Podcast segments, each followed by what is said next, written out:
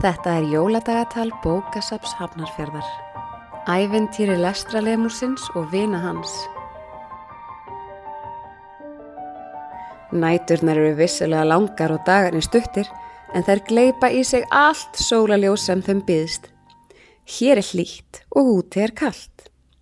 Friðarliljan tegir sig tignarlega, montin að venju, sínir öllum fegur sína, snæ kvíta blómið á toppi tilverunar. Í gegnum götrið blöðkunar sjáum við glitta í lestralemurinn. Hann er týndur í plöntuhafinu. Fyrir þau ykkar sem hafa ekki fengið þá ánægi að hitta lestralemurinn skal ég kynna hann fyrir ykkur.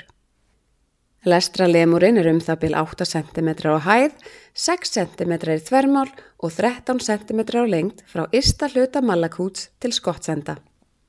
Hann er grár, svartur og hvítur að lit, hefur unun af bókmentum og annars konar listformum, stundar hugleðslu af gömlum vana. Honum finnst hann gasalega fyndin og hann er sannarlega blíður töffari. Uppáhalds íþróttur hans eru bókaburður, kollnýsarúlukeppnir og féluleikur. Hann hefur alltaf langað til að prófa tegjutvist en stöttir útlimir hamla honum á því sviði. Nýtur hann sín yfir skrabli og kakó. Þó hann sé náttir að eðlisfari flækist forvittnun oft fyrir honum og finnst hann þá með trínuð ofan í bók eða í spennandi leiðangrum, eins og einmitt núna. Lestralemurinn býr nefnilega á bókasafni Hafnarfjörðar og gætir barna og ungmennadeildar.